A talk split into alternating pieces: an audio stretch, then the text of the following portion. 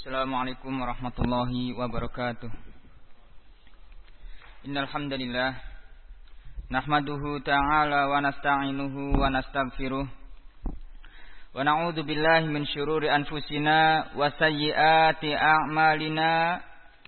May yahdihillahu fala mudhillalah wa may yudlil fala hadiyalah Ashhadu an la ilaha illallah wahdahu la syarikalah وأشهد أن محمدا عبده ورسوله صلى الله عليه وعلى آله وصحبه وسلم تسليما مزيدا. أما بعد يا أيها الذين آمنوا اتقوا الله حق تقاته ولا تموتن إلا وأنتم مسلمون. يا أيها الناس اتقوا ربكم الذي خلقكم من نفس واحدة وخلق منها زوجها وبث منهما رجالا كثيرا ونساء واتقوا الله الذي تساءلون به والأرحام إن الله كان عليكم رقيبا يا أيها الذين آمنوا اتقوا الله وقولوا قولا سديدا يصلح لكم أعمالكم ويغفر لكم ذنوبكم ومن يطع الله ورسوله فقد فاز فوزا عظيما فإن أصدق الحديث كتاب الله وخير الهدي هدي محمد صلى الله عليه وسلم وشر الأمور محدثاتها فإن كل محدثة بدعة وكل بدعة ضلالة وكل ضلالة في النار أعاذنا الله وإياكم منها إخواني في الدين رحماني ورحمكم الله الحمد لله Pada kesempatan kali ini kita akan memulai kitab baru yaitu kitab Lum'atul I'tiqad. yang mana di dalam kitab ini membahas tentang akidah-akidah Ahlus Sunnah wal Jamaah di dalam memahami asma wa sifat, nama-nama dan sifat Allah Subhanahu wa taala. Kitab ini ditulis oleh Syekh Ibnu Qudamah Al-Maqdisi rahimahullah. Ya, ditulis oleh Imam Ibnu Qudamah Al-Maqdisi rahimahullah. Yang kemudian disyarah dan dijelaskan oleh Syekh Muhammad bin Saleh Al-Utsaimin rahimahullah. Ikhwani fid din rahimani ikhwani fid din wa akhwati fillah rahimani wa rahimakumullah. Kitab ini sangat penting sekali untuk kita ketahui dan pelajari. Karena ini menyangkut dengan akidah. Yang mana akidah adalah yang menentukan keadaan seseorang. Apakah dia seorang ahlus sunnah atau bukan. Walaupun fikihnya mencocoki mazhab, mencocoki sunnah rasul. Tetapi jika akidahnya menyimpang, akidahnya tidak sesuai dengan pemahaman para sahabat, maka dia bukanlah seorang ahlus sunnah wal jamaah. Dan pembahasan ini sedikit agak berat. Sedikit agak berat. Ya, karena ini membahas tentang asma wa sifat. Sehingga penting bagi kita untuk benar-benar menyimak dan memperhatikan agar tidak salah di dalam memahami apa yang akan kita sampaikan. Taib. Adapun pentingnya membahas akidah asma wa sifat ini karena ini bagian daripada rukun iman. Mempelajari akidah asma dan sifat termasuk bagian daripada mempelajari rukun iman. Rukun iman ada berapa? Ada enam. Yang pertama, iman kepada Allah. Dan pembahasan asma wa sifat termasuk ke dalam rukun iman yang pertama. Iman kepada Allah subhanahu wa ta'ala. Sebab tidaklah seseorang dikatakan beriman kepada Allah kecuali dengan dia melakukan atau meyakini empat hal. Tidaklah seseorang dikatakan beriman sampai dia beriman dengan empat hal. Yang pertama beriman ha? akan adanya Allah. Yang pertama beriman akan adanya Allah. Nah, maka kalau ada orang yang mempertanyakan Tuhan itu ada apa tidak, Allah itu ada tidak, dia bukanlah seorang yang beriman. Karena orang yang beriman pasti dia meyakini akan adanya Allah. Nah. Yang kedua, iman dengan rububiyah Allah. Iman dengan rububiyah Allah. Apa maksudnya rububiyah Allah? yaitu beriman dengan perbuatan Allah. Rububiyah itu beriman dengan perbuatan Allah Azza wa Jal. Apa perbuatan Allah? Hah? Perbuatan Allah apa? Yang menciptakan harus yakin Allah yang menciptakan alam semesta ini. Allah yang memberikan rizki harus yakin hanya Allah satu-satunya zat yang memberikan rizki. Sehingga hanya kepada Allah kita meminta rizki. Kemudian yang mematikan, yang menghidupkan harus yakin Allah yang mematikan, yang menghidupkan seluruh makhluknya. Kemudian yang mengatur alam semesta. Harus yakin Allah satu-satunya zat yang mengatur alam semesta. Dan yang lainnya dari perbuatan-perbuatan Allah. Ini masuk ke dalam tauhid rububiyah, mengesahkan Allah dalam perbuatannya. Kita sedang mengucap rububiyah, rububiyah. Apa itu rububiyah? Yaitu perbuatan Allah. Perbuatan Allah apa? Dengan meyakini Allah yang menciptakan, Allah yang memberikan rizki, Allah yang mengatur alam semesta, Allah yang menghidupkan, yang mematikan. Nah, ini perbuatan Allah. Yang ketiga, iman dengan uluhiyah Allah. Iman dengan uluhiyah Allah. Apa itu uluhiyah Allah? Perbuatan hamba. Kalau rububiyah itu perbuatan Allah, kalau uluhiyah perbuatan hamba. Apa perbuatan hamba yang dimaksud di sini? Ibadah yang mereka lakukan ditujukan hanya untuk Allah Subhanahu wa taala satu-satunya. Ya. Uluhiyah itu membahas tentang perbuatan hamba, yaitu beribadah hanya kepada Allah Subhanahu wa taala satu-satunya. Nah, maka apabila seorang hamba memberikan satu saja ibadah kepada selain Allah, dia telah terjatuh ke dalam kesyirikan. Satu saja seorang hamba memberikan ibadah kepada selain Allah, dia terjatuh ke dalam kesyirikan. Sholatnya karena Allah, puasanya karena Allah, hajinya karena Allah. Tapi dia masih suka datang ke kuburan berdoa meminta ini dan itu kepada yang sudah mati. Terjatuh ke dalam kesyirikan. Hati-hati. Nah, hati, hati-hati. Hapus amalan ibadah yang yang lainnya disebabkan dia memberikan satu ibadahnya kepada selain Allah. Ini satu, apalagi seluruhnya. Nah, kemudian yang keempat, tidaklah seorang hamba dikatakan beriman sampai meyakini empat hal ini. Tadi sudah yakin iman akan adanya Allah, iman dengan rububiyah Allah atau perbuatannya, iman dengan uluhiyah Allah atau perbuatan hamba, dan iman dengan asma dan sifat. Yang keempat, iman dengan asma dan sifat, nama-nama dan sifat Allah Subhanahu wa taala. Harus beriman dengan nama-nama dan sifat Allah. Maksudnya bagaimana iman dengan nama-nama dan sifat Allah? Meyakini bahwa Allah mempunyai nama-nama yang baik dan sifat-sifat yang mulia. Yang tidak sama dengan sifat makhluknya. Baik. Ketika ditanya, apa iman dengan asma dan sifat? Meyakini dan membenarkan bahwa Allah mempunyai nama-nama yang mulia, nama-nama yang baik dan sifat-sifat yang mulia. Tidak tidak sama dengan sifat makhluknya. Barakallahu fikum. Ini. Dan akidah asma wa sifat dikatakan bagian dari rukun iman karena memang berbicara atau membahas tentang oh, tentang Allah Azza wa Jal. Taib.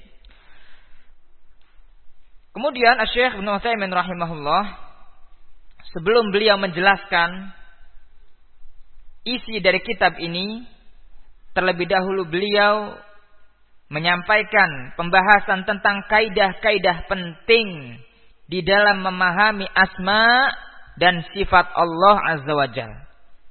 Maka silakan kalau antum mau buat judul kaidah-kaidah penting di dalam memahami asma dan sifat Allah. Tulis judulnya supaya antum punya gambaran yang kita bahas ini tentang kaidah-kaidah penting di dalam memahami nama-nama dan sifat Allah. Nah, jadi judulnya apa? Kaidah-kaidah penting di dalam memahami asma dan sifat Allah Azza wa Jalla. Al-qaidatul ula, kaidah yang pertama. Kaidah yang pertama. Tulis judulnya cara memahami dalil yang berkaitan dengan nama dan sifat Allah. Atau boleh juga bagaimana cara memahami dalil. Dalil di sini dalil Quran dan Sunnah. Di dalam memahami nama dan sifat Allah Azza wa Jal. Nah, karena tidak sama. Karena tidak tidak sama antara dalil yang berkaitan dengan Allah dengan dalil yang berkaitan dengan ibadah. Nah, tidak tidak sama. Maka dari itu disendirikan bagaimana sih cara di dalam memahami dalil yang membahas tentang nama dan sifat Allah Azza wa Jalla. Taib. Yang pertama, al-wajibu fi nususil kitab wa sunnah, kewajiban kita. Ini kewajiban kita di dalam memahami nas atau dalil baik dalil Quran ataupun dalil sunnah adalah ibqa'u dalalatiha ala zahiriha min ghairi taghyir. Menetapkan dalil tersebut ya di atas zohirnya dengan tanpa merubah. Menetapkan dalil tersebut di atas zohirnya dengan tanpa merubah. Nah.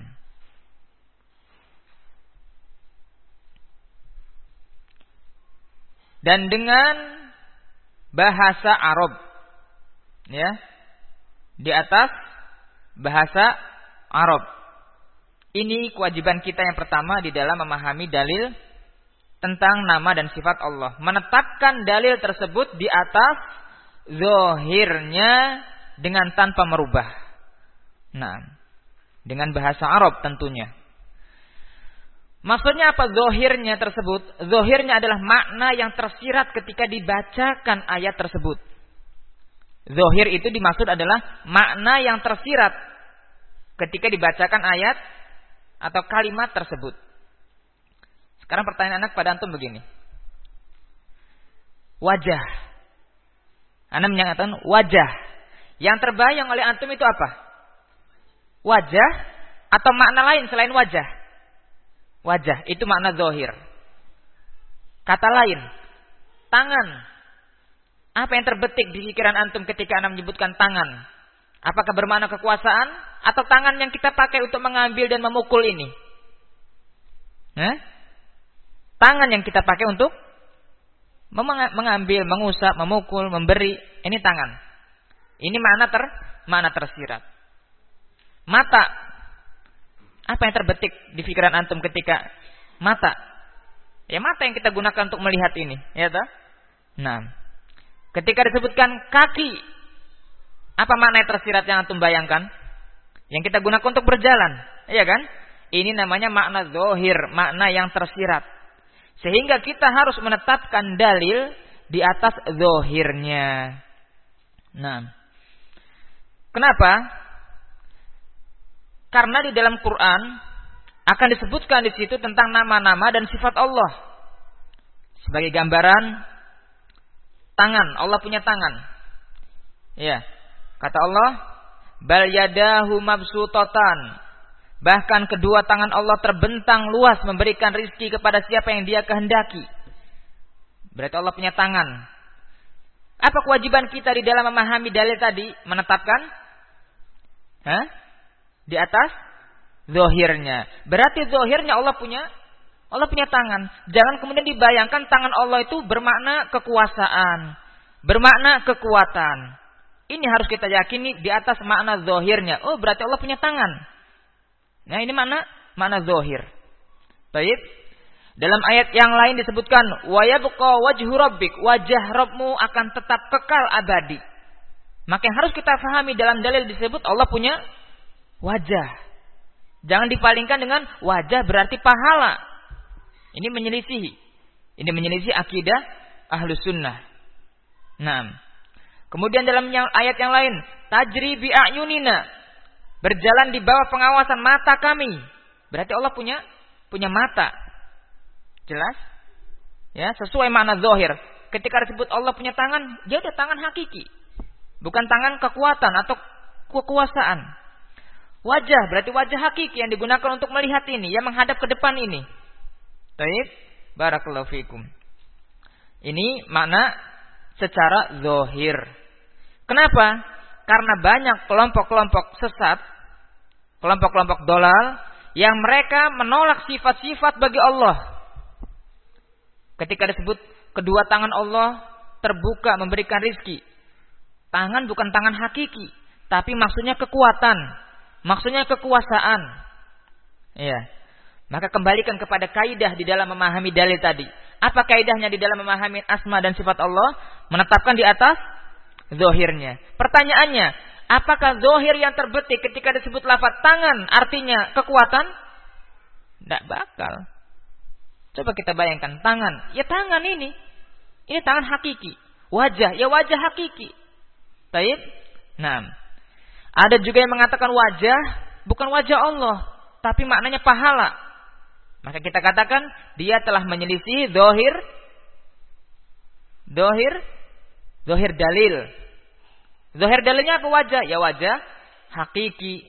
Ini akidah ahlu sunnah di dalam memahami nama dan sifat Allah subhanahu wa ta'ala. Menetapkan dalil tentang Allah di atas zohirnya. Apa zohir itu? Makna yang tersirat. Ya, makna yang tersirat. Kemudian dengan bahasa Arab. Kenapa harus dengan bahasa Arab?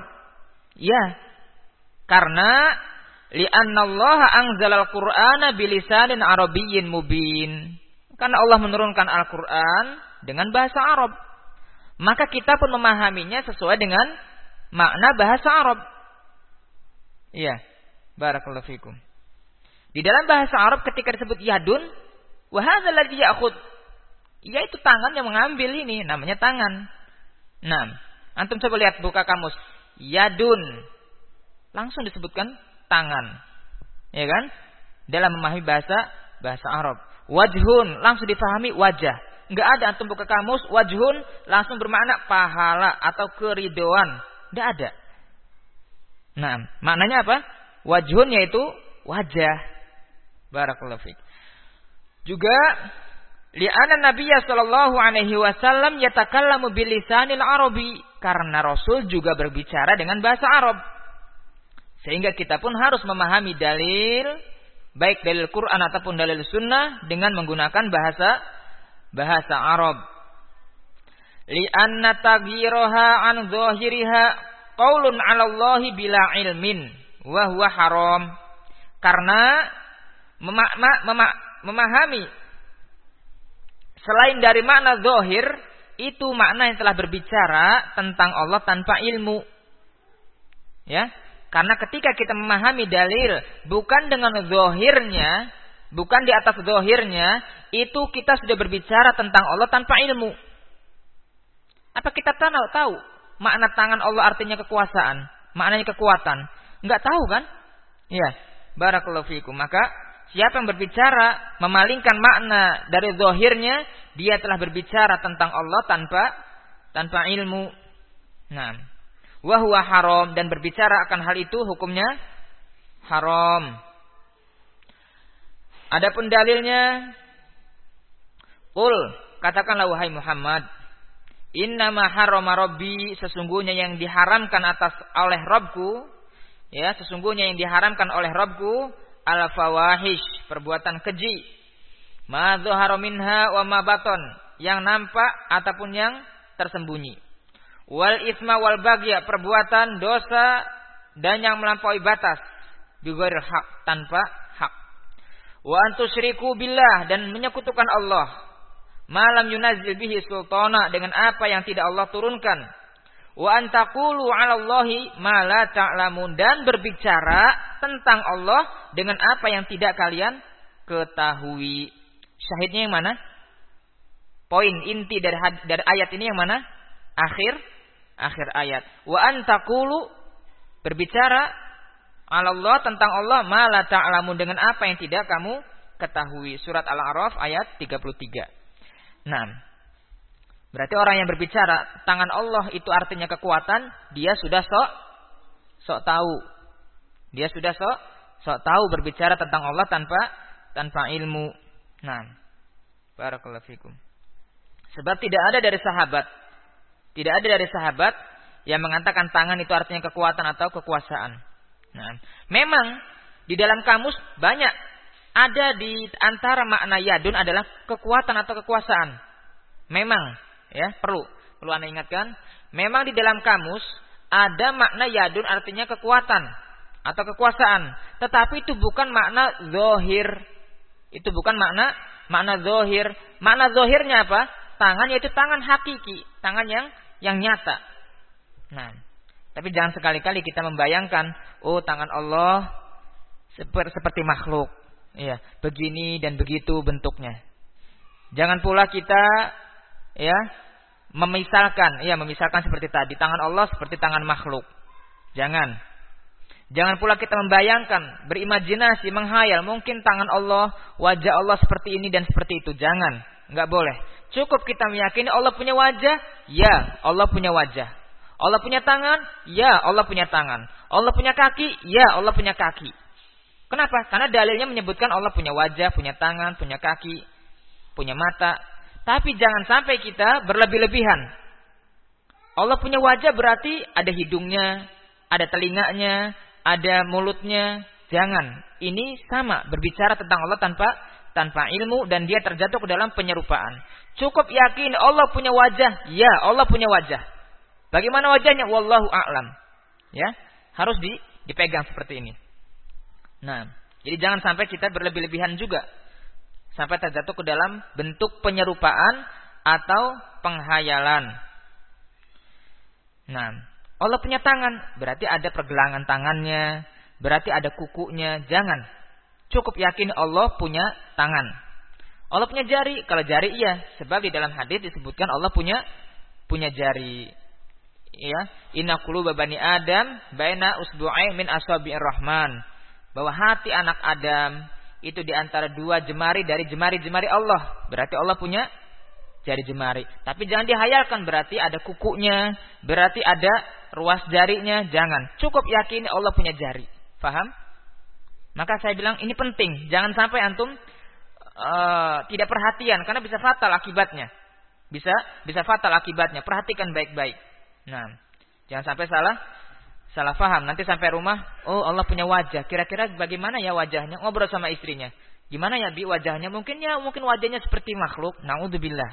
Kenapa? Ternyata di taklimnya mungkin tidak menjelak, tidak tidak memperhatikan dengan dengan baik. Padahal kita sudah sampaikan, jangan sekali-kali menyerupakan wajah Allah, sifat Allah dengan mak dengan makhluk. Jangan pula sekali-kali kita membayangkan, menghayalkan mungkin demikian dan demikian wajah Allah. Jangan. Baik. Barakallahu fikum. Cukup yakini Allah punya wajah. Ya, Allah punya wajah. Bagaimana wajahnya? Wallahu a'lam. Coba dibayang-bayangkan, enggak bisa. Enggak akan sampai kepada membayangkan sifat Allah Azza wa Baik, misalu dzalik contohnya qauluhu ta'ala firman Allah dalam surat Al-Maidah ayat 64. Bal yadahu mabsutatani yunfiqu kaifa yasha. Bahkan kedua tangan Allah terbuka memberikan rizki kepada siapa yang dia kehendaki. Nah, Allah menetapkan untuk dirinya punya tangan. Allah menetapkan untuk dirinya punya punya tangan. Maka kewajiban kita apa? Menetapkan juga Allah punya punya tangan. Hanya yang harus diperhatikan, jangan sampai kita menghayalkan atau memisalkan Allah dengan makhluk. Barakallahu fikum. Fa inna zahiral ayah. Maka zahir ayat yang barusan kita baca. Bahkan kedua tangan Allah terbuka memberikan rizki kepada siapa yang dia kehendaki. Maka zahir ayatnya. Annallaha lahu yadain. Ya. Bahwa Allah punya kedua kedua tangan hakikiyatain. Hakiki. Dari ayat tadi mana zahirnya Allah mempunyai kedua tangan yang hakiki. Maka apa kewajiban kita? kewajiban kita yajibu isbatu dzalika lahu menetapkan kedua tangan tadi bagi bagi Allah Azza wa Jal. Ya. Nah. Fa idza qala qail maka apabila ada orang yang mengatakan Al-muradu bihima al-quwah. Maksud dari kedua tangan Allah itu adalah kekuatan. Kulna lahu maka kami jawab, hada sorfun lil kalam an zohirihi. Ini bentuk pemalingan kata dari makna zohirnya. Ketika dia mengatakan makna kedua tangan itu artinya kekuatan, maka kami katakan ini bentuk pemalingan kata dari makna zohirnya. Nah, sebab akidah ahlu sunnah apa? Menetapkan di atas zohir dalil tanpa membagaimanakan atau memisalkan. Fala yajuzul qawlu bihi, maka enggak boleh berbicara seperti tadi. Tangan artinya kekuatan atau kekuasaan. Li'annahu qawlun 'ala Allahi bila ilmin, karena itu telah berbicara tentang Allah tanpa ilmu. Barakallahu fikum. Baik, kita cukupkan untuk kajian uh, Lumatul Itiqad dengan satu kaidah antum harus baca lagi di rumah supaya atau dengarkan audionya agar lebih jelas ya. Mudah-mudahan apa yang kita sampaikan bermanfaat ya terkhusus dalam meluruskan akidah kita dengan akidah yang difahami oleh para sahabat dan ulama-ulama tabi'in tabi'in tabi'in dari kalangan ahlus sunnah wal jamaah